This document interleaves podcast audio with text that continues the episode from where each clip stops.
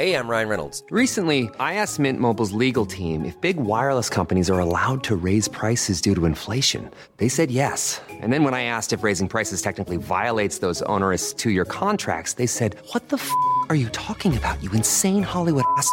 So to recap, we're cutting the price of Mint Unlimited from $30 a month to just $15 a month. Give it a try at mintmobile.com slash switch. $45 upfront for three months plus taxes and fees. Promo for new customers for limited time. Unlimited more than 40 gigabytes per month. Slows. Full terms at mintmobile.com.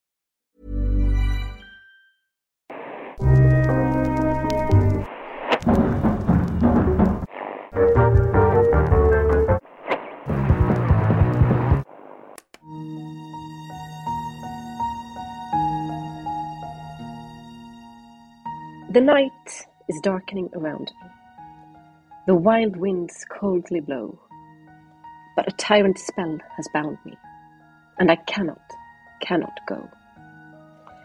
The giant trees are bending, their bare boughs wade with snow, and the storm is fast descending, and yet I cannot go. Clouds beyond clouds above me wastes beyond wastes below. But nothing drear can move me. I will not, cannot go. Välkomna till poesipodcasten Football Radical, Simon Bank. Mm, tack. Menar du kasten på det hinduiska sättet eller menar du på det digitala viset? Allt- Jag hade faktiskt tänkt önska dig inte ett gott nytt indiskt nyår, det gjorde ju du för ett tag sedan, utan ett gott nytt kinesiskt och välkommen in i tigerns år.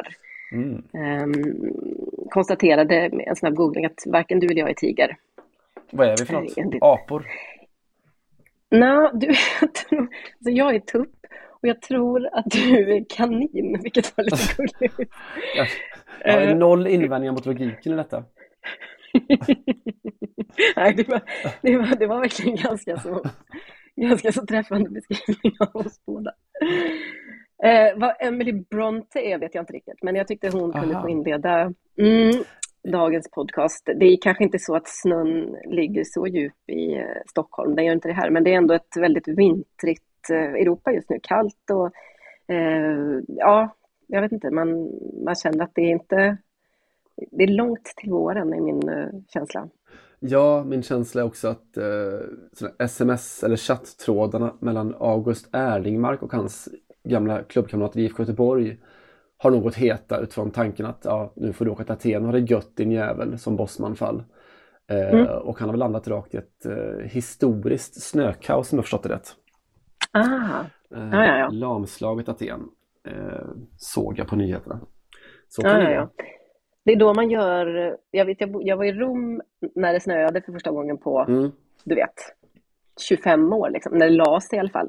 Och all- alla stans fotografer, eller alla, hela Italiens fotografer bara rusar till Colosseum för att det kommer, den här chansen kommer så jävla sällan. Mm. Alla, alla vykort ska liksom sättas nu för närmsta, och det måste ju varit så i, kan man ju tänka sig med Parthenon i Aten också då. Ja, gud ja. Starka bilder. Ja, riktigt starka bilder. Mm. Eh, nej, en lätt hinna av snö är det väl vi har här. Eh, Mm. Så jag tror vi har klarat av väderrapporten i podden för nu. Det är, det är tisdag när vi spelar in och eh, en försenad podd. Vi gick ut med, eller in i 2022 med dunder och brak, lite lätt försenat. Och det höll en vecka exakt. Så länge klarade vi hålla. Ja, alltså, Väderlex och den medicinpodden Football Radical. Ja, fan. För jag satt väl också och gnällde över min vaccinreaktion förra gången. Mm. När det var. Ja. Ja, kom, Men little did I know att, Mm. det, inte, att det här vaccinet inte hjälper mot sjukdomen som det så att det är ut, utformat för. Ja, Det Ja. hjälper ju tydligen mot att man inte ska dö av det, men eh, mm, vi fick du, dubbelsidig covid. Mm, det var lite så. Eh, vi kom Fy ut som antivaxare. Eh, och sen åkte jag på smockan och sen ja, det som hände i helgen var, jag vet inte om du såg, men vi var ute och demonstrerade i Stockholm. Mm. Eh, Såg inte det på bilderna, men jag, jag har inte zoomat in så noga heller kanske. nej, men jag, jag, jag var ju där och sen så, jag vet inte, man vacklar ju mer och mer. Alltså dels eftersom man då åkte på coviden och tänkte att ja, men vaccinet kanske har sin, sin funktion ändå. Och sen så Mm. läste jag en, en intervju då med eh, i tidningen. Peter Wahlbeck. Ja, i tidningen. Alltså, bra nära i tidningen ETC med då Max Winter som är grundaren till det här som heter Frihetsrörelsen. Dessa Jaha. kämpar för våra liberala rättigheter i det moderna samhället. Eh, Mm. Han eh, medger då att han själv är ovaccinerad men inte vill bli stämplad som antivaxare. Eh, han förklarar att det enda jag kan säga är att det förekommer mycket information om att det finns biverkningar och att människor har råkat illa ut.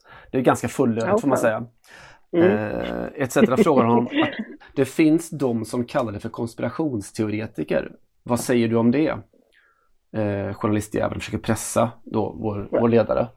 Ja. Eh, och han förklarar då Max Winter att ja, men det, är, det är ett blandat gäng här, vilket ju är sant i frihetsrörelsen. Eh, och att om det finns de som vill kalla alla som har en åsikt för konspirationsteoretiker får de väl göra det. Men jag lägger ingen substans i det. Då tänker jag så här, det är då jag börjar vända lite. Jag lägger ingen substans i det. Hur kan vi vara säkra på att Max Winter inte har lagt någon substans i det här? Kan man veta det? Men, alltså det, förlåt, men jag tyckte det var ett väldigt bra svar. Det tror jag att jag ska kopiera. Det är lite det nya, jag lägger inget värde i det. Jag lägger ingen substans i det. Ja. är, inte nej, det men- är inte det avfärda någon åt, liksom åt, så att det sjunger om det? Ja, jag vet inte. Jag misstänker bara att, att han mycket väl kan ha lagt substans i. Och vad tror- kan den substansen Vi- leda till? Det är ingen som Ja, vet. det är det. Ja. Det är ingen som vet. Så att, nej, nu står man här på ruta noll igen. Inte antivaxare och inte vaccinerad. Eller inte vaccinationsförespråkare heller. Vaccinerad är du väl? Vaccinerade är väl. Men friska är vi i alla fall, Ja. relativt sett. Mm. Och tillbaka. Ja, precis. Det var ett långt intro för att vi är tillbaks så att säga. Vi har varit och vänt där i, i, eller vid helvetets eh, väntrum. Helvetet är inte de andra Simon, utan helvetet är faktiskt Modernas vaccin och ett sjukdomsförlopp direkt eh, efteråt. Just det. Det är som det är med det nu. Mm, så är det. Mm. Du hade ändå inte så eh, att man skulle in i Australien och blev, hamna i så detention camp. Det var ju inte så illa. Nej, det var inte så illa. kunnat hålla oss hemma. Till Ja. skillnad från Nole. Precis det. Mm, Nole. Mm. Eh, vars familj fick besök av Nigel Farage så jag. Som, som slöt upp. Det Jag tror att den bästa reaktionen på det var någon som skrev på Twitter, retweetade Farage när han skrev så här. Just kommit till Serbien, fantastiskt mottagen hos familjen ja, eh, Djokovic. Och frågan var bara så här, why? Vilket är så jävla Varför har de? Alltså vad är grejen med det här? Mm. Det finns liksom inget så, han är inte britt, han är Nej. inte, nej men det är jätte, allt är konstigt. Mm. Nej, men Allt är konstigt. Nigel Farage har alltid brunnit för östeuropeisk rättigheter. Exakt. Dessutom. Mm. Dessutom. Mm. Jag blev lite uppiggad. Jag tror att jag tog mig delvis ur min post-covid som jag ändå har lite grann nu. Lite trött och lite sådär Mm. småjävlig. Eh, av att kliva in relativt sent. Opportunistiskt eh, nog i, till här, den här efterlängtade matchen mellan Kamerun och Komorerna igår kväll. Det blev min första insats i Afrikanska mästerskapen. Mm. Eh, blev också väldigt uppiggad. Nu har det ju kommit fram att det var tyvärr eh, många som dog i, som blev nedstampade utanför eh, arenan.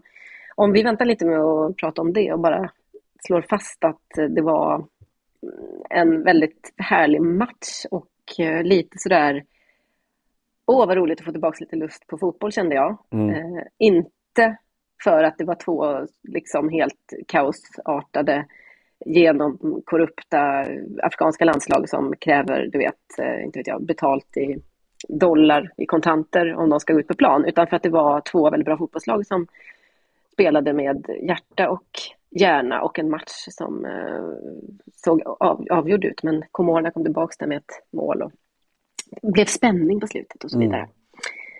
Eh, vi som då, även om jag klev in i turneringen nu så är jag ju inte, som Robert Laul skrev igår, eh, man är inte medgångssupporter på det sättet. Va? Komorerna har man ju lite koll på. jag, jag, och detta är ju helt sant. Jag var ihop med en ha- halv komorian i ganska många år och eh, efter att Robert hade träffat honom så utformades planen att vi skulle kanske gå i pension på Komorerna. Mm. Eh, ja, att det kunde vara ett bra ställe att dra sig tillbaks på. Um, så, lite... Ja, men det, du vet, det är fattigt men det är inte misärfattigt. Det är bra klimat. Uh, det är en... Alltså det är en muslimsk kultur men det är rätt så tolerant. Det är otroligt... Eh, Komorerna är ju liksom ett sånt korsdrag av olika kulturer. Det finns ju mycket inslag av Indien och det finns ja, det har kommit folk från alla möjliga håll kan man säga där. Flera språk, franska framförallt klarar man sig på ganska så bra där. Um, Komorerna som uh, jag egentligen bara pratar om nu för att jag ska förklara för alla att jag A. Att kände till de här med. öarna Mm. tidigare. B. Att uh, det trots denna faktiskt fina insats ju var så att de fick ställa en utespelare i, i mål. En högerback fick det bli. Mm. Eh, ni läste, eller följde säkert historien hur av tre mål- målvakter så var två covid-positiva och en skadad. Och sen så blev eh, en av målvakterna negativ. Han testade ju negativt inför matchen. Men då hade de ju ändå någon helt bisarr regel om att man skulle vara negativ i en vecka innan man fick spela fotboll igen. Mm, Det råkade bli så när, när Kamer Kamerun spelade hemma. Alltså det var flagrant eh, så hemmafördel för eh, Kamerun. Det var väl några saker i själva matchen också som kändes... Mm, jag, jag kan köpa det röda kortet som Komorerna drog på sig. Det var en ganska ful stämpling precis i början av matchen. Men det här att avbryta ett eh, komorianskt anfall bara för att klockan slår på exakt 93 minuter, det tyckte jag kändes lite väl eh, opportunistiskt också. Anyhow, eh, Komorerna har ju Fouad Bachirou i eh, sin eh, trupp och i sin startuppställning för all del. Och det är ju skäl nog att lyssna på eh, en av de bättre hejaramsor som har skrivits om en eh, allsvensk spelare. Så här lät det för några år sedan i eh, Östersund.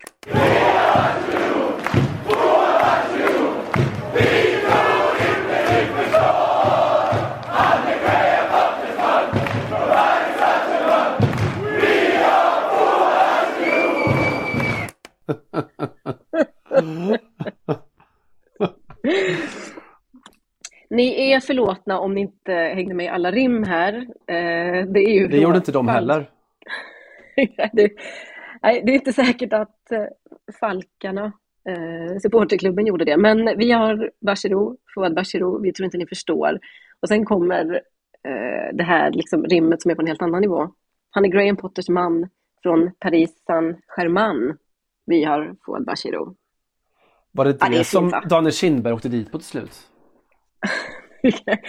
det kan inte uteslutas att det fanns med i, i vad ska man säga, på, som en åtalspunkt. Jag vet inte riktigt. Mm. Men eh, kan, man kan väl säga att det var eh, alltså ett generöst uttal av eh, Paris Saint-Germain. Där alltså, för att Bachirou faktiskt har spelat i ungdomsleden då. Han var både junior och U-laget så var han PSG-spelare. Och eh, ja, det resan där till Falkarna i Östersund och det här fantastiska rimmet. Jag tycker det, det, var, det var värt att uppmärksammas. Mm. Heja Komorerna och lycka till eh, framledes eh, säger vi. Vilka, vilka håller du på av de som är kvar i turneringen? Har du något lag? Nej, jag kan inte påstå att jag har det. Eh, alltså man, man gillar väl underdogsen som börjar trilla av. Det har varit ett så här sensationsspäckat mästerskap får man säga. Ja, verkligen. De stora har bara fallit som furor. Ja, och att, Kamerun då med, med eh, den här e- extrema nedförsbacken från början. Eh, de är ju av historia och hävd så här groteskt hemmastarka till att börja med. Eh, de möter ett lag som decimeras då, som spelar med utspelare i mål. Eh, och som dessutom får då en, en spelare utvisad efter, efter sex minuter. Eh, Mm. Och ändå tvingas kämpa. Kul Mm. ändå. Jag såg, ett, eh, jag, jag såg bara ett sammandrag där man såg Mchangamas frispark ju. Eh, Ja, ja. Otrolig. Från Ja, Marseille är han. Mm. Eh, Komorernas man ifrån Castellan eller så. Mm. Eh, Mm. Och han har, han har gjort sådana här mål förut vet jag. I, i Ligue 2 där han spelar nu.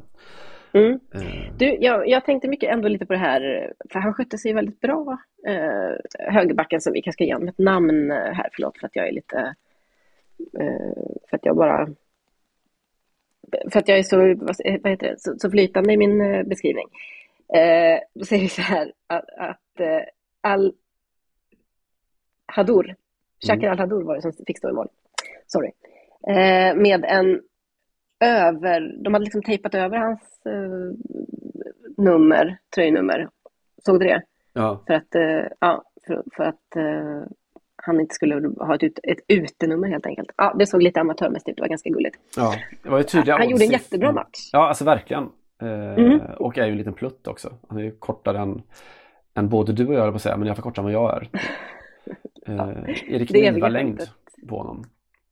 Ja, men det var, framförallt så gör- gjorde han ju en dubbelräddning som var väldigt eh, sådär, en sån hålla andan tv-räddning som var väldigt eh, fin. Men det här fick ändå mig lite fundera på hur eh, eh, Eh, ett svenskt landslag hade gjort i samma läge. Ja, tidigare på herrsidan var det ganska givet att Kim, Kim Källström hade stått i mål. Eh, det vet man ju. Efter att ha bevakat många landslagsträningar. Han gillade ju att avsluta träningarna i mål och var ju lite sån, ja men det var någon, någon sån eh, hemlig dröm tror jag. Men nu känns det mer eh, svårtippat. Vem hade du ställt dig?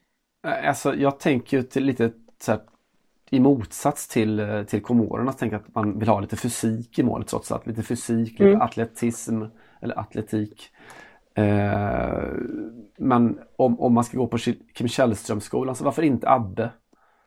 Mm, Eh, vad lustigt, det var en, faktiskt sån jag tänkte också. Det är bara en, en, en känsla känns som som- är ganska bra. Mm, ja, men han hade kunnat styra liksom med visst, eh, viss pondus och så tror jag inte, inte så tagen av stundens allvar kanske. Och... Ja. På damsidan fick jag bara, kände jag direkt, Olivia Skog. Som släpper in fyra mål, men med en jävla glädje. jag kan inte backa upp det med något. Nej, men jag tror ändå att hon sprider, om inte ett lugn, så i alla fall ganska festlig stämning. var vi ute och dansade fram till klockan sex på morgonen tror jag. Och, Så länge sa inte de andra, så det var, så, eller det var några som hängde kvar kanske. ja, vi var några stycken som dansade lite längre.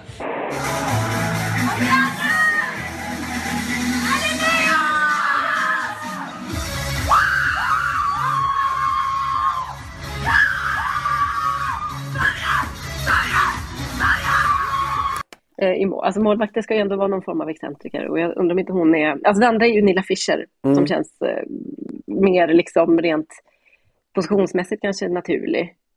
Ja, det, Ehm. det raka bytet. Jag vet Mm. jag skulle kunna se med, med risk att man försvagar sitt lag väldigt mycket, men Fridolina Rolfö har ju också den här atletiska eh, så här, draget som, som skulle Ja. kunna funka ganska bra. Hon ser också lite ut som en Räckvidd. målvakt. Ja, räckvidd. Eh, Mm. Bra yttermått som man säger i AIK. Alltså, mm, Mm. just det. Eh, det tror jag, men, men skog är, är, hade varit roligare på, på så många sätt. Ja, Ja, jag känner det också.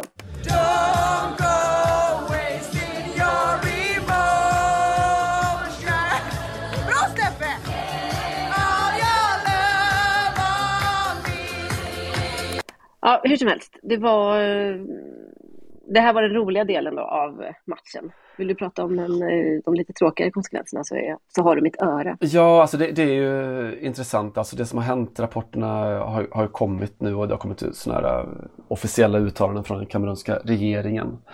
Eh, man räknar just nu till åtta döda, varav ett, ett barn. Eh, och vid insläppen då, de hade begränsad publikkapacitet på grund av covid. Alltså begränsat till 80 procent, märkligt nog. Ja, jag tänkte precis att den såg inte ut att vara... Det såg mer ut som att alla inte hade orkat gå dit som hade en biljett. Mer än Ja. någonting faktiskt. Mm. Nej, och det, man fick väl lite flashbacks, i alla fall fick jag det till, till sommarens EM-final på, på Wembley. Alltså det är lätt och sådär, ja men ja, Afrika, punkt, punkt, punkt. Men det var ju ungefär sådär som det såg ut eh, kring EM-finalen i somras. Så det hade precis lika gärna det som hände igår kunnat hända i, i England och i London då. Ja, verkligen. Eh, oerhört, oerhört liksom skakande uppgifter och, och, och bilder naturligtvis. Jag, jag, det, det väcker ganska mycket tankar eh, hos mig.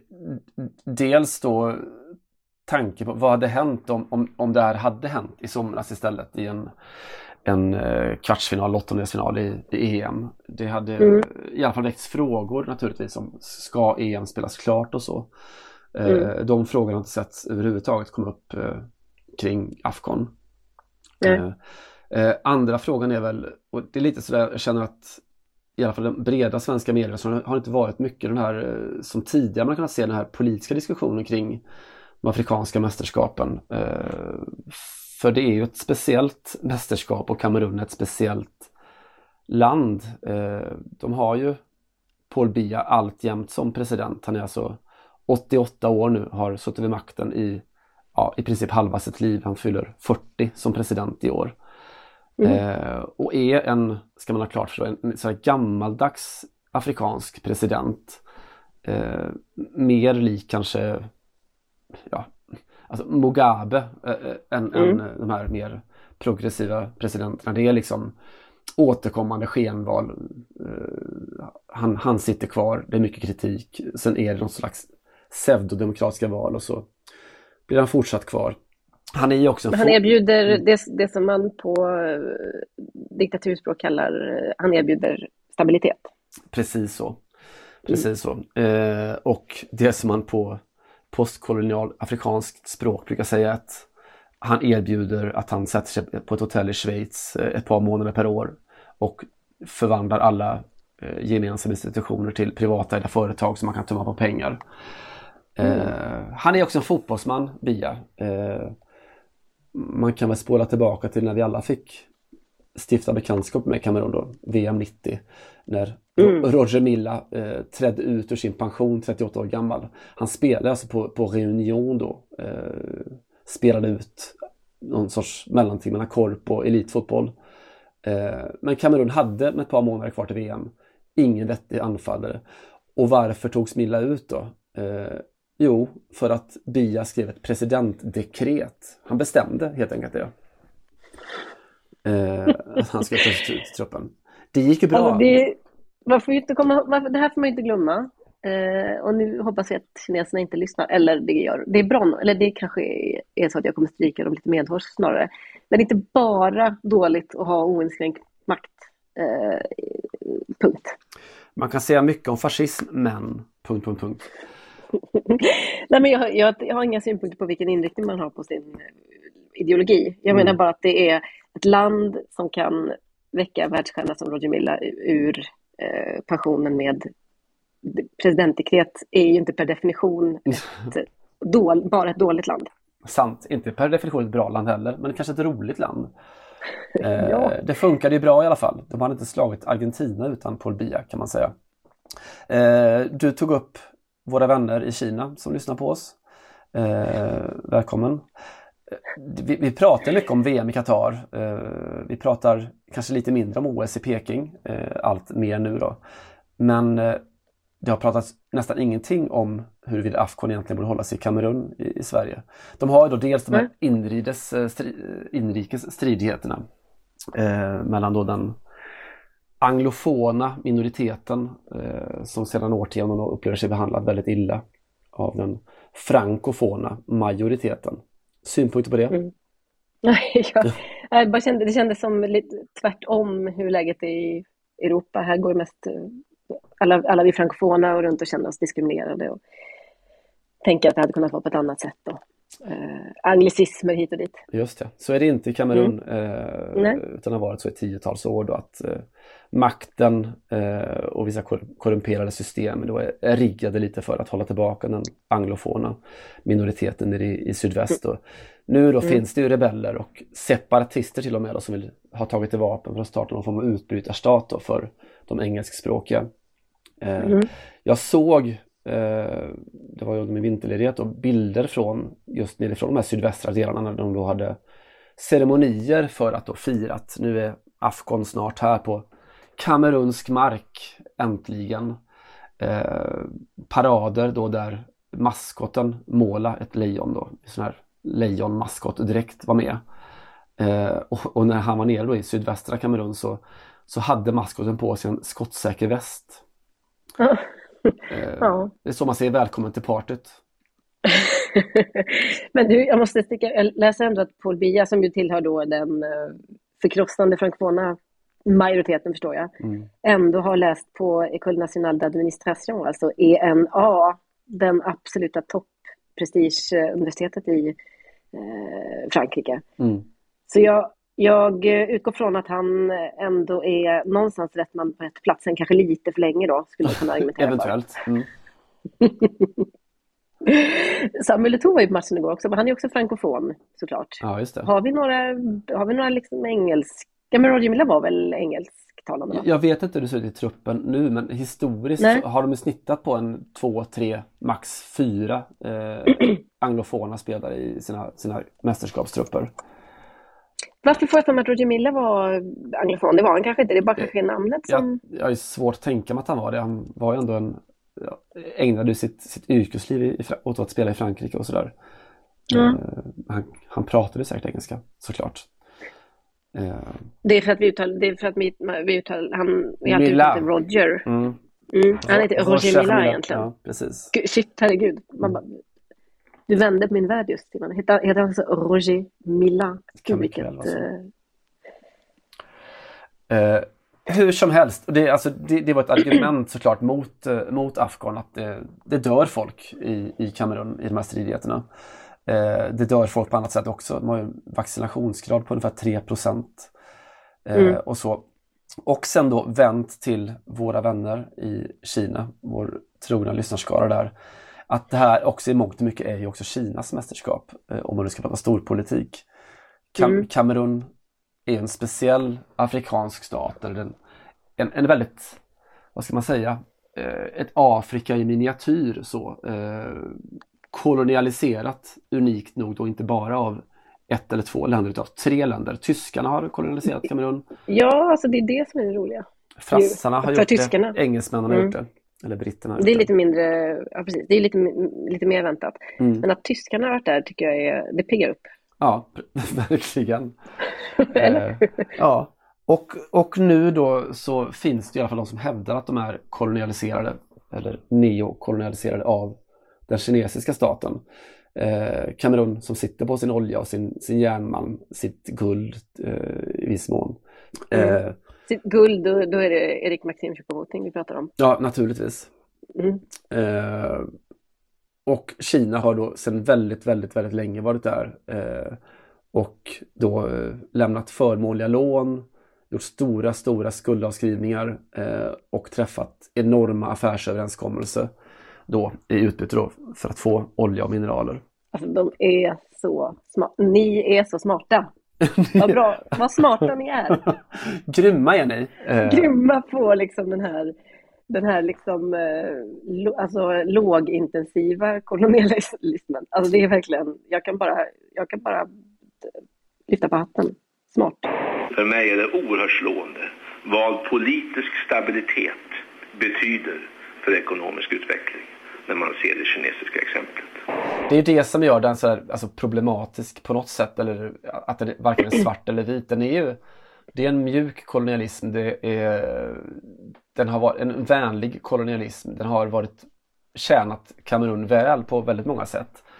Eh, lånen har verkligen varit förmånliga och, och biståndet och ut, de utbildar arbetare och de tar inte alla arbetstillfällen och de eh, ja, och så vidare och så vidare. Eh, Nej, alltså jag, som jag förstår det av det jag liksom läser, hela, för det här är ju, gäller egentligen hela den afrikanska kontinenten, kanske undantaget de liksom nordafrikanska länderna, men Kina är ju lite överallt där och har väl ett, en ganska bra, ett ganska gott rykte i de här länderna för att man har dragit upp många ur um, arbetslöshet och misär, social misär och så vidare och så vidare. Ja, det är absolut den ena sidan och den är, den är stor och den är viktig. Samtidigt som det har funnits kritik då mot att de då också träffar massa avtal som gör att de skickar billiga italien, italienska, kinesiska varor, skräpvaror till, till de som slår ut de lokala eh, små Mm. affärsrörelserna och, och så. Det andra problemet då som eh, är det cirkelslutande är att Kina såklart har noll synpunkter på vem det är som styr ett land. Eh, vem det är som sitter i makten. Eh, de som de flesta som är ute efter att göra affärer tycker att det också att det är väldigt bra med stabilitet och en tydlig motpart.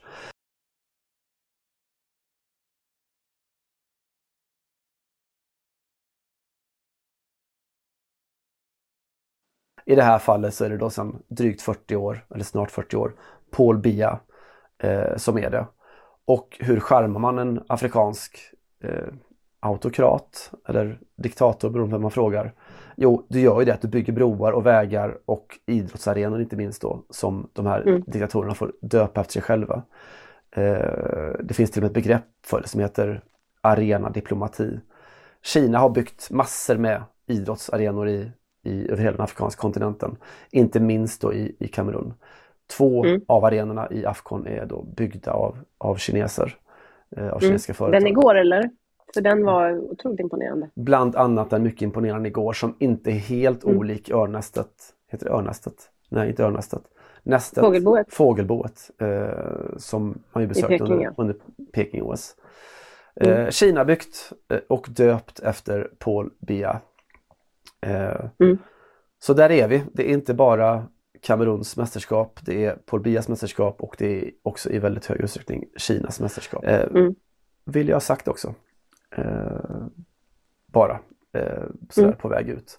Och det som hände igår eh, kom ju såklart eh, i mångt och mycket också färga, färga av sig på, på minnet av, eh, av Afcon. Eh, det är svårt att hävda att det är ett succéarrangemang när människor har trampats ihjäl. Eh, sådär. Eh, Mm. Så, det slog tillbaka. Paul Bias arena, på Bias Stadium så dog åtta människor igår.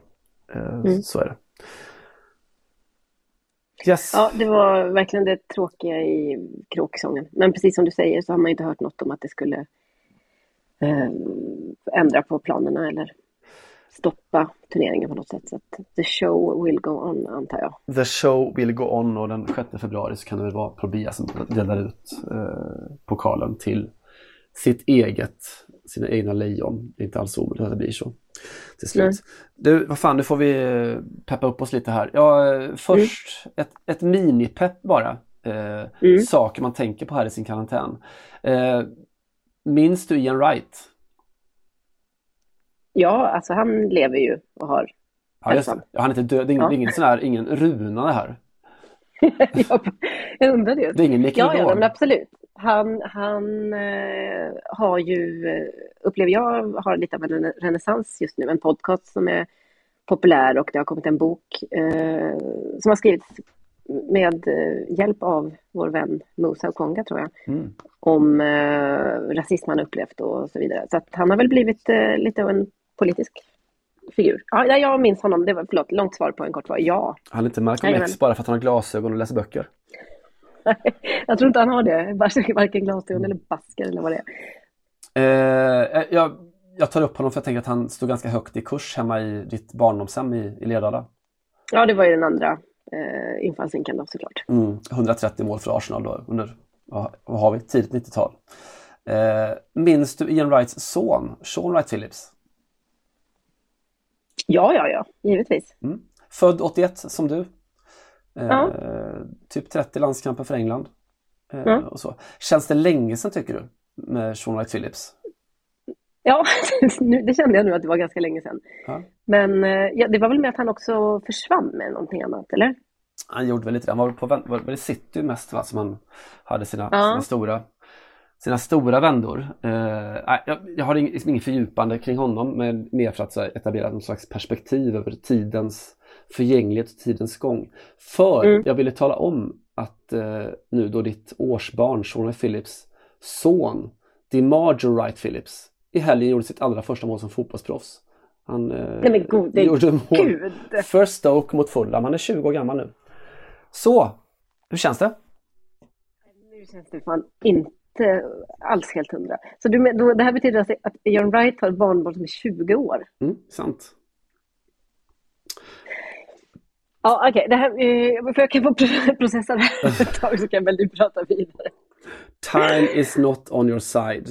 Eh, verkligen nej, det roliga jag ville ta upp är egentligen, jag hade tänkt prata om det redan förra veckan men eh, gjorde ju inte det av på grund av anledning.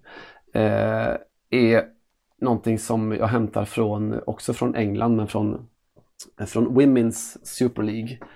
Eh, jag tittade på sammandraget av, av Spurs match där. Eh, de mötte West Ham. Tottenham som faktiskt då är med i toppen nu för första gången på riktigt. Eh, är med och Mm. hävdar sig mot de stora och tar poäng av Arsenal och på väg att slå dem och så vidare. Eh, så där så att man nästan har börjat tänka att ja, men de kanske till och med kan ta hem den där jäkla ligan, vilket vore fantastiskt. Eh, och då var det derby mot West Ham. Och jag ska inte säga att jag blev glad när jag såg då att West Ham i, på stopptid kvitterade till 1 och tog två viktiga poäng. Men jag blev lite glad efteråt när jag såg hur Kate Longhurst, som då nickade in den här 92 minuten kvitteringen, eh, hur hon firade. Kate Longhurst, eh, uppvuxen, född in i en familj av West Ham-supportrar. Eh, har själv skildrat hur hela hennes uppväxt var. Liksom, eh, West Ham-affischer, eh, West Ham-tröjor, West Ham-pyjamas, eh, säsongskort så länge hon kan minnas. Det är hennes klubb. Allt det där. Eh, forever blowing bubbles. Eh, eh, hon, är, hon är West Ham through and through eh, och då till slut så återvänder hon till sin klubb eh, och får dra på sig sin tröja och spela för, för sitt gäng. Eh, och gör då det där målet som gör att Spurs kan liksom glömma det här med, med att vinna ligan så, så som det. Eh, och att West Ham får en, en viktig poäng. Eh, vi kan bara höra hur det låter när Kate Longhurst firar sin kvittering.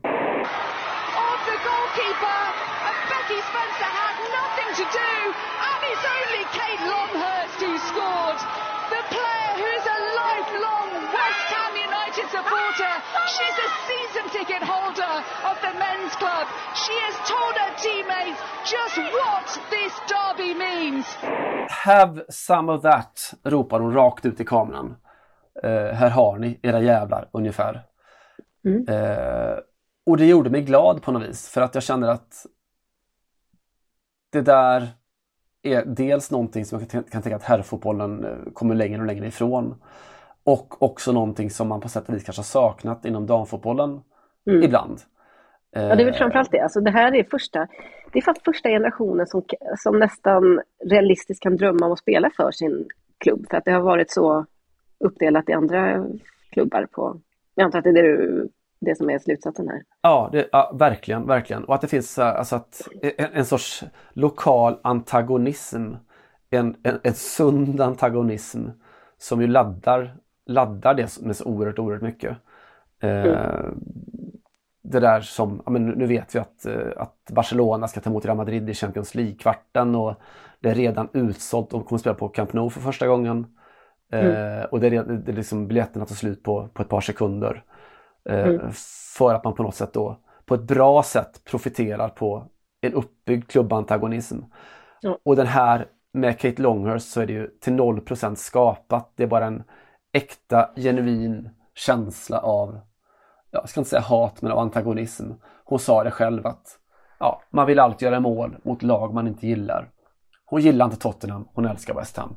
Eh, mm. Och därför firar hon sådär. Och det gjorde mig glad mitt i all jäkla bedrövelse. Mm. Stort av dig eh, tycker jag, men jag, jag kan jag. bara hålla med. Det är, ja.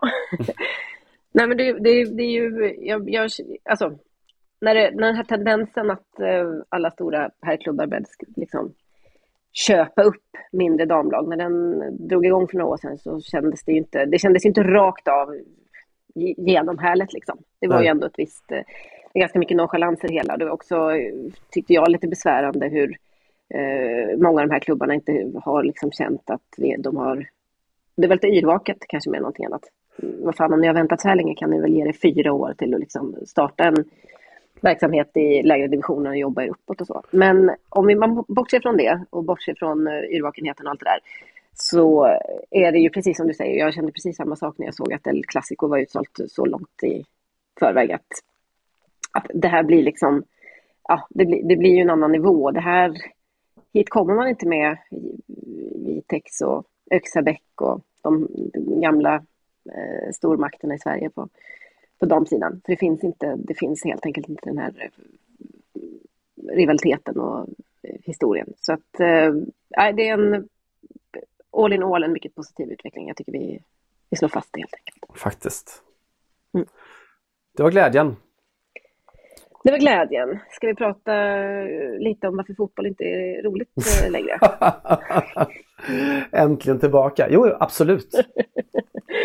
Nej, men det är det ju. Fotboll är ju roligt. Alltså det var ju, jag fick en liten boost av att se Komorerna mot Kamerun igår. Och eh, lite som du säger, som fler och fler tycker jag man känner, eller fler och fler kollegor säger, att det, det är roligt med damfotboll. Liksom. Det är något Mm. annat, det är nytt, det är fräscht, det är, eh, den är inte så stelnad som herrfotbollen är på vissa håll. Eh, jag eh, tänkte ändå driva tesen varför inte fotboll längre utifrån två relativt nya texter som jag har läst i eh, ämnet och som lite knyter an till en eh, essä, ska vi kalla det, som jag Mm. skrev för ett år sedan kanske. Just kring den här känslan att det är mycket som inte känns så kul längre och vad beror det på? Och ibland tänker man att det kanske är för att man är, håller på att bli medelålders eller har blivit till och med. Det kanske inte är fotbollen det är fel på. Det är kanske bara att avta lite med, med åldern.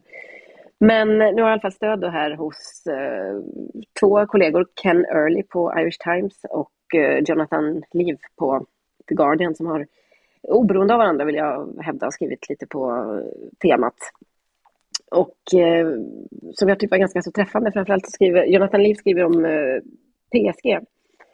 Och eh, om ni vill läsa den här texten så kan vi lägga ut den såklart. Den heter Kylian Mbappés graphic yearning for Real Madrid lays bare PSG's joyless state. Eh, där han argumenterar lite för att eh, hur kan det verka så liksom kämpigt att spela för en klubb som PSG som utifrån ett spelarperspektiv ju har allt. Alltså hur, hur, hur kan inte en spelare som Kylian Mbappé vara helt överlycklig eh, över att eh, få vara kvar i, eller ja, vi, alltså, hur kan han inte vilja ens skriva nytt kontrakt med en klubb när han har Neymar på ena sidan och Messi på den andra och, mm, och, och ja, alla möjligheter att liksom gå hur långt som helst. Och eh, att det här någonstans handlar om att fotbollen, alltså världsfotbollen faktiskt inte är summan av komponenterna riktigt eftersom det inte blir, det, kan, det kanske blir bättre, till stor del blir det det såklart, av att värva supermycket eh, världsstjärnor och så, men det blir inte roligare och det blir inte mer känsla kring det. Mm. Eh, och det här var precis eh, samma som någon annan skrev, jag har glömt bort vem nu, men efter, ja det var nog bara en sån eh, tweet som fastnade efter eh, PSGs insats i Champions League i höstas. Att hur kan ett lag med så mycket glitter utstråla så lite, Eh, eller har så lite utstrålning helt enkelt. Alltså det finns, det är någonting här som inte, som inte riktigt stämmer. Eh, PSG har ju för övrigt haft jättemycket, eller fått jättemycket kritik under hösten för att man spelar tråkig fotboll och Pochettino har varit eh, otroligt sådär snarstucken och på defensiven och hävdat att det kommer, det kommer liksom och sådär. Eller till och med sagt att jag tycker vi spelar bra, men alla har ju sett att det har inte varit alltså bra. Det har varit, de har vunnit, men de har inte, det, har inte, det har inte sett roligt ut. Det har varit också långa eh, följetonger, liksom, eh, följetänger heter det till och med. Eh, framför allt Mbappé kanske då.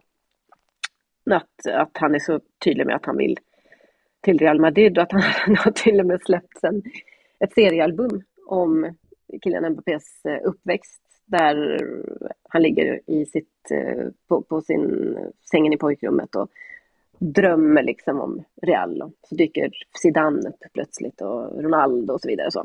Eh, och det här är ju såklart en bok eller ett, alltså ett tilltag som inte borde vara möjligt. Jag menar, hur, kan, hur kan någon tycka att det här är en bra idé med tanke på hur situationen ser ut? Men det säger också lite om hur, eh, vilka extrema individualister som det här laget utgörs av. Och att de, en sån som Mbappé skiter lite i det faktiskt. Eh, det viktigaste är hans content och hans story. Och det här är förhoppningen såklart att knyta ihop det här med, med en flytt till eh, Real Madrid. Ehm, det här var lite allmänt kring eh, liksom the state of PSG. Eh, det, är, det hade kunnat vara så, bra och det ser tråkigt och krampaktigt ut. Litet fall framåt får vi säga i matchen mot eh, Reims här som jag bevakade i helgen. Där det ändå blev lite liksom glamoröst igen och lite tiki-taka och mycket mål och sådär. Champagnefotboll. Ja, LOL. Mm. Det är det eviga skämtet och så Mm. vidare. Det, det som Jonathan Liv är inne på lite grann utan att utveckla så mycket är att det inte är så roligt att vara så överlägsen i Mm. fotboll. I alla fall inte så roligt att folk förväntar sig, alla utgår från att man ska vara överlägsen. Eh, och det är ju inte så konstigt om man tänker på vad sport går ut på. Det är klart att det inte är... Dels är det inte roligt att ha det trycket på sig att man ska leda ligan med 15 poäng, vilket ju PSG för övrigt gör, eller nästan. Eh, och veta att det enda man kan göra är egentligen förlora mm. eh, någonting, vilket är att åka ut mot Real Madrid nu då i, i uh, åttondelsfinalen i Champions League, som inte alls är ett otänkbart uh, scenario sett till hur, hur det har sett ut på slutet. Uh, ligan tappade man dessutom till Lille förra året och det var ju skandal såklart på alla sätt, men det var liksom mer ett, ett litet, uh, vad ska man säga, otursmoment i arbetet eller vad man brukar kalla det. Ken Early då, vad skriver han i Irish Times som fångade min uppmärksamhet? No, han skriver så här, Manchester City's dominance, a reminder the rich always get their way. Uh, money wins titles, but Guardiola's style lacks excitement that clubs, fans and players seek. Um, jag vet inte om jag håller med honom rakt av, men jag tyckte argumentationen var intressant och den handlar om att Eh, Pep Guardiola då efter eh, 1-0-segern var det väl mot eh, Chelsea häromveckan var otroligt nöjd efteråt och sa på 180 minuter eh, så hade vi bara ett enda skott på mål, eh, alltså mot sig själva då. Mot Chelsea. Det är så himla bra. But except Lukaku action in the beginning of the second half. So in 180 minutes we concede one shot on target and that against Chelsea ah, guys, that is so good. It means a lot for, for the work for the players have done. Mm. Um, och så diskuterar Ken Earl då hur den här nya typen av kontrollfotboll har gjort liksom att känslan har försvunnit. Alltså, och han skriver, vilket jag tyckte var intressant, att antagligen så har skillnaden mellan hur supportrar vill uppleva fotboll och hur tränare vill att fotboll ska vara aldrig varit så stor som den är nu. Mm. Alltså det gapet nu som bara handlar om riskminimera för en sån som Pep Guardiola som ju herregud definierade om fotboll mm. för tio år sedan. Eh, min anmärkning. Eh, men att det är ett sånt, eh, dels ett paradigmskifte och sen så är det också någonting som, som skär sig här i hur man vill att fotboll ska vara. Han tar upp ett exempel som jag tycker är ganska bra och det är att när en spelare befinner sig en 25 meter mot, från mål så står alltid publiken och ropar skjut, skjut. Mm. Det är liksom just det, just det. sån evig grej. Mm. Eh, och det gör nästan inga fotbollsspelare längre. Varför då? För att alla har fått lära sig och Pep Guardiola framförallt har liksom dundrat i dem att det är jätteliten chans mm. att göra mål från 25 meter. When Vincent was lining that up, were you thinking shoot or were you thinking don't shoot pass? No, I said no shoot, Binny. No shoot. No shoot. Alltså det är ett, en av 20 bollar som går in eller någonting. Min uppskattning inom parentes. Men eh, i alla fall att det, att det, aldrig är det, det är aldrig det bra beslutet längre. Men det man går till en fotbollsmatch för att uppleva är ju magin liksom. Ja. Du kan ju, du, du står ju ut med 40 försök om det 41 sitter från 30 meter. För att det, är så mycket mer värt än eh, liksom en disciplinerad match där man vinner med 1-0 och Guardiola är helt överlycklig för att man släppte, man släppte in noll mål och en, ett enda skott på mål eh, var liksom facit. Mm. Och eh, han skriver så här Why doesn't the city experience feel as exciting as their record shattering numbers suggest it to be? Uh, Guardiola's teams are designed to exert the maximum of, of, control and allow the absolute minimum of randomness and uncertainty. City fans, uh, ja just det, skriver, och, så, och så vidare då att det här är, uh, det är liksom någonting som gör att det inte känns så exciting som det borde och att det förstås har att göra med pengar och så uh, går han igenom lite hur, hur mycket, det alltid har varit så att de som har dominerat i Premier League har haft mer pengar än de andra. Mm. Men att den, det glappet har aldrig varit så stort som nu. Eh, och det är nästan som att ju, det man köper nu för helt en enorm budget är eh, noll insläppta mål ja. i princip. Men det, det är också, Eller, ja, det, alltså jag tycker det är jätteintressant för att det är, allting följer ju sådana här alltså postkapitalistiska strukturer på något sätt. Att vad vill du ha, om du nu ser på fotbollen som företagarna, vilket man gör, eh, i hög utsträckning idag. Mm. Alltså, Ja, inte på läktarna kanske, fast också där. Det är inte så att det finns en sån tydlig gränslinje mellan supportrar sup- och, och, och liksom företag. Utan supportrarna vill ju också vinna av Mm. allt. Men, men det som du vill ha för att driva ett, ett framgångsrikt företag, det som gör att, att Paul Biya kan sitta på makten eh, underblåst av Kina. Ja, eller det som gör att, att eh, de stora tyska företagen köpte in sig på, på ett nationalsocialistiskt maktövertagande. Eller vad du vill, ursäkta jag tar i jävligt mycket nu. Ja, det, men det, knyter men upp det här på är bra sätt. det är ju stabilitet. Det, man- det, det främst vill ha när man investerar är stabilitet. Just det. Eh, snarare än någonting annat. Och Mm. då sitter vi liksom i en sån här perfekt storm. Och också vad, vad vill tränare ha? De vill också ha stabilitet för att ha sina jobb Mm. kvar. Hur når du stabilitet? Ja, du sk- skickar in fotbollen i maskinen. Du skickar in Mm. och gör en, en analytisk kontroll eh, av hur du maximerar dina resultat över tid. Och det gör du genom expected goals. Du gör inte det genom Zlatan Ibrahimovic unexpected goals-faktor eller eh, magin. Och någonstans landar man i att det där absurda i att i 2022 titta på eh, du mer än jag på, på Paris Saint-Germain som sjösatt sitt nya projekt med en slogan som heter Låt oss drömma större i en tid när fotbollen inte längre handlar om drömmar.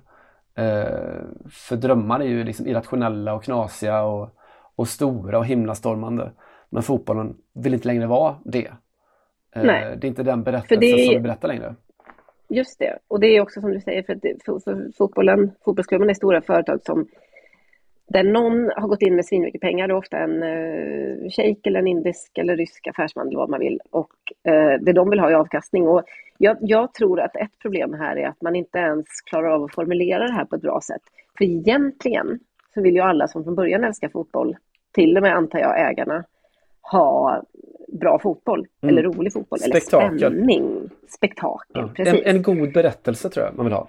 Ja, exakt så. Precis så. Eh, och det är ju det här som gör att man mer och mer känner att det bara är landslagsfotbollen som känns kul Mm. och eh, oväntad. Och det gör den inte alls bara längre. Framförallt så ska, ska det spelas ett mästerskap i, i höst som liksom känns eh, väldigt okul och osmakligt på ganska många sätt. Men att själva idén om att behöva hushålla med resurser som finns inom ett geografiskt eh, avgränsat område till exempel. Ehm, eller ja, den här känslan av nationell yra som det kan bli kring en, kring en framgångsrik mästerskapssommar och så vidare. Ehm, det här att hjältar föds Mm. någonstans. Att det inte riktigt, det, ja, det finns inget riktigt utrymme för det längre. Och, och jag tycker det är på pricken, utan att jag, nu punktmarkerar inte jag Manchester City och har inte dubbelkollat det här med några supportrar framförallt. Men om vi litar på Ken Early så, så tycker jag att det är en på pricken beskrivning att man inte känner att det är så exciting som det skulle vara. Och det intressanta är kanske inte bara att fansen känner på det sättet eller att vi är många som känner så inför fotbollen de senaste tio åren. Att det blir det är lite gråare, det är liksom inte de där stora, det går också allt, allt rullar ju så mycket snabbare så att de här stora segrarna försvinner ju mycket snabbare också från Mm. liksom hjärnan, eller de riktigt hårda förlusterna och så. Men eh, han menar ju också då, vilket Jonathan Liv är inne på i sin text också, att det, det här märks mer och mer på spelarna.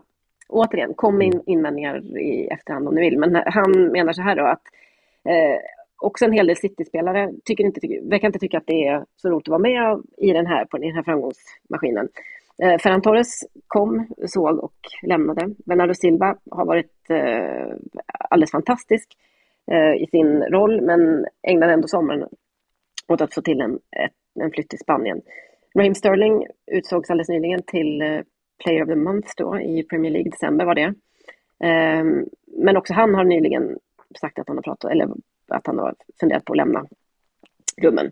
Skriver, These are the star, star players for what is now the richest and most powerful club in the world and yet they seem to be wondering is this all there is?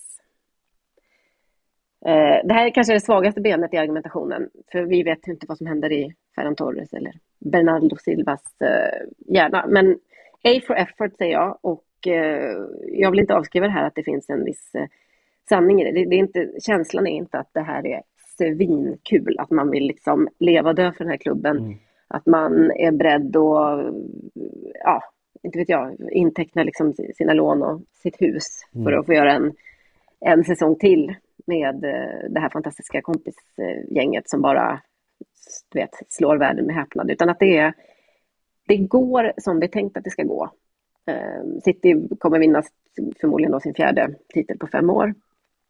Och det är liksom enligt beräkningarna. Men fotboll är inte roligt att spela om det bara sker enligt beräkningarna. Eller om inte det osäkerhetsmomentet finns längre eh, så är det inte riktigt fotboll längre. Eller det är i alla fall inte det man har. Det var inte det man ville som kid, antar jag. Nej, och det finns till och med siffror på, på det. Det kom före jul någon gång en, en forskarrapport från, från Oxford. Eh, två forskare som har gått igenom eh, världsfotbollen, analyserat eh, ja, fruktansvärt många matcher då de senaste 30 åren eller så. Eh, och utifrån det, de gjort någon slags sån förutsägningsmodell. Hur, hur borde en match sluta? Eh, Mm. Och sen jämförde med hur matcherna faktiskt slutade och sett till liksom ekonomiska förhåll- styrkeförhållanden och eh, sportsliga styrkeförhållanden. Just det. Och konstaterade ju att, eh, att eh, förutsägbarheten har ökat. Det är en känsla och eh, ja, ganska lätt att konstatera att ja, så är det liksom. Skillnaderna är så Mm. oerhört mycket större idag. De, de stora vinner och de små förlorar. Men eh, det som var speciellt med dem var att de kunde sätta en, en empirisk siffra på den, uppmätt siffra. Och konstaterade att eh, förutsägbarheten i den moderna fotbollen är 75 procent. 75 procent av gångerna så går en match precis som den ska göra. Eh, den följer kartan. Vilket Mm. det betyder för att de som ska vinna alltid, de, de kommer antingen att göra fiasko eller så kommer de att eh, vinna som de ska göra. Eh, Det, det undrar om det här också... Nej, men det är precis. Och jag undrar om det här är ett skäl till att jag till exempel helt plötsligt slår på Barcelonas matcher mycket oftare nu. Mm, mm. Inte för grotta liksom i förfallet, för jag har inte riktigt...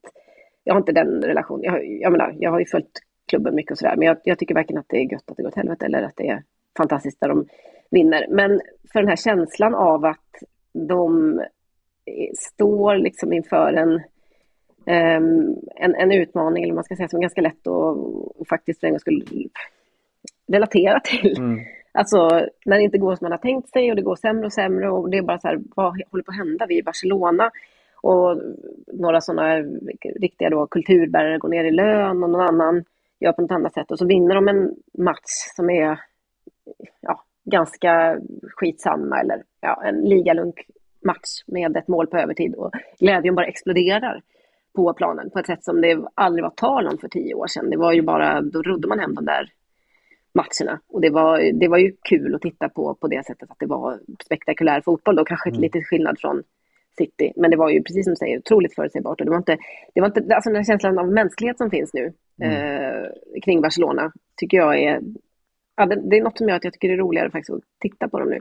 Och jag hörde av mig till en kollega häromdagen som bevakar dem på heltid. Frågade eh, bara så hur är, hur läget liksom. Och han sa så här, det är fantastiskt. Aha, ja. Tänk att få se Ansu Fati, tänk att få se Gavi, tänk Mm. P. Förstår du hur mycket liksom gott det är att få följa de här från början för att Barcelona inte har något val. Liksom. De Ja. måste plocka fram det här. Eh, så jag har också fått det vidimerat då från en, ytterligare en källa att det är lite roligare just nu. Mm. Eh, kanske som supporter, men i alla fall för- känslan av eh, autenticitet antar jag. Ja. Att det, det är väl det det handlar om. Och det behöver inte heller handla om så bra eller dålig eller an, inte den traditionella underdog-berättelsen behöver inte heller vara. Alltså Barcelona 2008, 2007, 2006 var ju också en på sätt och vis en underdog-berättelse i det att de utmanar hela sättet att se på fotboll, hela sättet att tänka fotboll, hela sättet att vilken sorts spelare som skulle spela fotboll. Eh, med tankens kraft och blev bäst och blev liksom ett någon sorts konstnärligt uttryck i allt det där. Eh, Mm. Som ju Pep Guardiolas fotboll inte längre är. Idag är det ju en, en, en, eh, en maskin och en... Den har stelnat. Den har stelnat, precis Mm. så. Ja. Alla spelar så, alla tänker så. Eh, Ja. Det är mycket roligare att se Marcelo Bielsa gå ut med åtta stycken 14-åringar och, och skrälla eh, än vad det är att se Manchester City manövrera fram en, en ny 1-0-seger i, i London. Mm. Och då tycker jag en annan sak om vi ska göra en kvasi-psykologisk analys av Guardiola, att han har kanske stelnat lite i, i, i allting så att säga de senaste åren. Dels då för att eh, fotbollsmässigt och det är svårt att alltid vara liksom avantgarde mm. eh, förstås. Men det är ju ganska tydligt att han också har fått göra en del eh, kohandel med liksom, principerna som var väldigt viktiga i, när det var, handlade om Katalonien och självständighet och demokrati och så vidare. Och att det, alltså, han har blivit lite tjockare och lite mättare helt enkelt och lite mindre ideologisk tycker jag på alla plan eh, de senaste åren. Mm. Eh, och det och han har aldrig haft så mycket pengar att röra sig med som han har nu. Liksom. Men eh, för folk som följer det är det inte lika kul längre. I don't understand why I'm a so bad guy. Why? Nej, det har varit roligt att, att få veta det. Hur mycket roligare var det att bygga någonting nytt och spännande i, i Katalonien? Mm. Eh, och inte bara för att det var Katalonien utan för att det också var nytt och spännande. Ja, men också lite för att det var Katalonien. Ja. För att det också häng, alltså det, den berättelsen är inte oviktig heller i det hela. Absolut alltså inte. att träna eller spela för sin drömklubb. Mm. Om det så är West Ham när de får ett damlag eller jätteklubben Barcelonas herrlag mm. så är det ändå den, den, berättelsen har fler dimensioner på något sätt. Mm. Sant. Vill du ta oss till um, Italien innan vi säger hej eller? Ja men det tycker jag. Eh, mm. Jag tänkte se, se Neapel och sen dö. Eh, mm. Nästan i alla fall. Det var Napoli mm. Salernitana i söndags. Eh, mm. 4-1. Eh, dömt av Luca Pairetto noterade jag.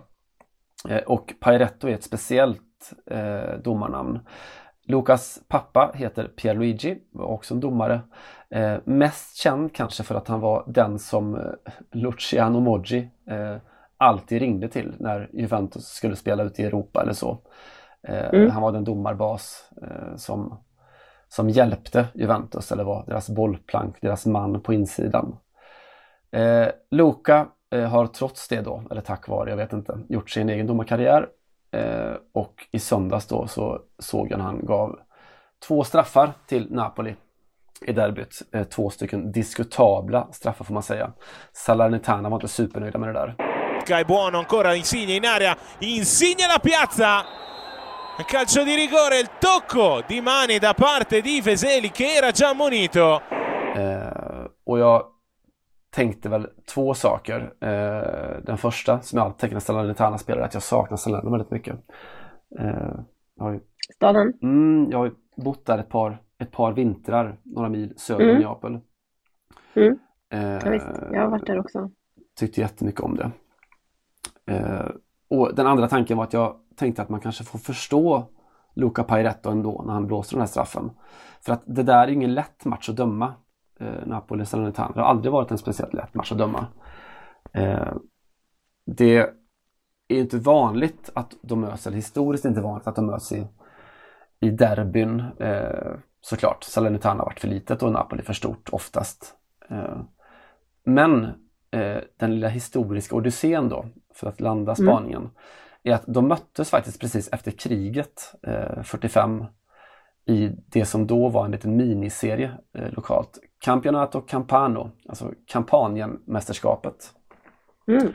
Eh, och jag vill berätta om den matchen för att öka lite förståelsen för eh, Luca Pairettos ganska svaga insats här i söndags. Mm. Eh, det är för alltid bra att kunna skylla på andra världskriget när man inte har dömt eh, bra. Ja, alltså gud ja. Och han gjorde inte mm. det Pairetto, men han kanske borde. Eh, domaren mm. då hette Demetrio Stampacchia. Eh, och parallellt då som någon sorts spegelbild av matchen i söndags. Så han befann sig i precis samma situation som Pareto i slutet av första halvlek. Eh, det står 1-1 både då och nu. Och då som nu så blåser domaren straff för Napoli. Eh, ja han fick jävligt tuff kritik i lokal salernitansk press noterar jag. Eh, han fick låga betyg lite överallt. Men Stampacchia eh, hade det ännu värre då. Eh, det som händer när han blåser är att eh, Salernitanas supportrar stormar planen. Det blir så allmänt gruff nere på planen. Napoli missar straffen men eh, det blir ett, ja, det lugnar liksom inte, ändå inte ner sig. Det är fortsatt oroligt. Det är slagsmål och det är rusningar och det är våld och det är hotfullt. Och Stampacka står där nere i straffområdet och ja, han börjar liksom bli på allvar rädd. Och det blir ju inte liksom mindre så när han hör ett ljud från läktaren. En pistol som rinner av. Och plötsligt så faller Demetrio Stampacchia till marken. Helt stilla, helt livlös. Han ligger där, eh, skjuten kanske, mördad. Eh, det är vad många tror i alla fall. Så matchen bryts där spelarna springer fram. Eh, Napolis lagdoktor, då en sån här gammal tidigare stjärnanfallare som heter Atos Sontini, kommer fram för att se hur det är med liket. Eh, och ser då att Stampacchia, för det första så blöder han inte och för det andra så tittar han. Eh, han fejkar alltså. Han filmar. Han filmar sin egen död. Han filmar sin egen död och grejen är att det funkar. De eh, tar in en bår, de tar fram en filt, lägger den över honom. De bär ut honom. Eh, vilket då leder till att det blir lite, lite lugnare på läktarna. Eh, folkmassorna lämnar arenan. Eh, och det är liksom först ett par dagar efteråt som alla får veta att eh, Dimitrios Stampacchia, han, han mår rätt bra trots allt. I alla fall om man då bedömer att han var död alldeles nyss. Fruktansvärt furbo. Jag tycker det är briljant agerat. Eh, då, 45, så slutade det med att Napoli tilldömdes segern. Eh, vilket ledde till att Stabia då blev kampaniska mästare 45. Eh, mm. Och sen snabbspolar vi 80 år framåt och så tycker jag vi tänker att Luca Paretto trots allt då vågade blåsa straff för Napoli mot Salernitana. Och att vi kanske inte borde vara så kritiska som, som journalister till det. Ja, underbar eh, anekdot. Mm, jag tycker det. Eh, glädje till slut eh, på något vis ändå. Eh, och med det. Men kom det någon förklaring till varför han, varför, alltså upplevde han att det var så hotfullt så att det var lika bra att spela död? Ja, det var precis Lite så. Det var. Så här, ja, det var så. så där, det är som en björnattack till exempel, man har lärt sig.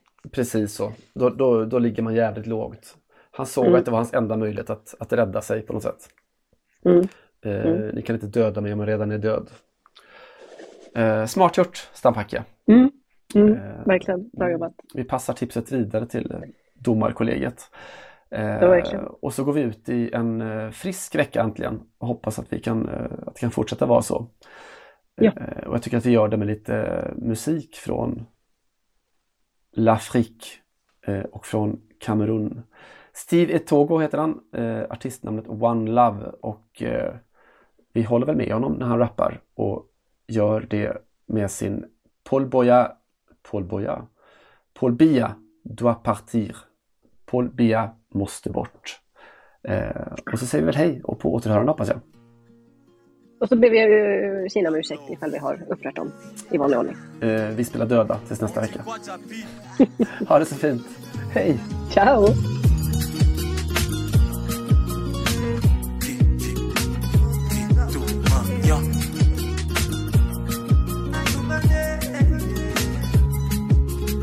Paul Bia doit partir. Paul Bia doit partir. Paul Bia doit partir. Du har lyssnat på en podcast från Aftonbladet. Ansvarig utgivare är Lena K Samuelsson. Qu'il aille se reposer, 36 ans c'est épuisant. Ça c'est même quel travail où il n'y a pas de retraite. Robert Mugabe a fait ça aujourd'hui. Say hello to a new era of mental health care. Cerebral is here to help you achieve your mental wellness goals with professional therapy and medication management support. 100% online. You'll experience the all new Cerebral Way, an innovative approach to mental wellness designed around you. You'll get a personalized treatment plan from a therapist, prescriber, or both in a safe and judgment free space. Your cerebral therapist or prescriber will outline a customized plan with clear milestones along the way so you can get to feeling your best. With Cerebral, you're not alone in your mental health journey. We're here to empower you to live a fulfilling life. So take that first step towards a brighter future and sign up today at cerebral.com slash podcast and use code ACasts to get 15% off your first month. Offer only valid on monthly plans. Other exclusions may apply. Offer ends July 31st, 2024. See site for details.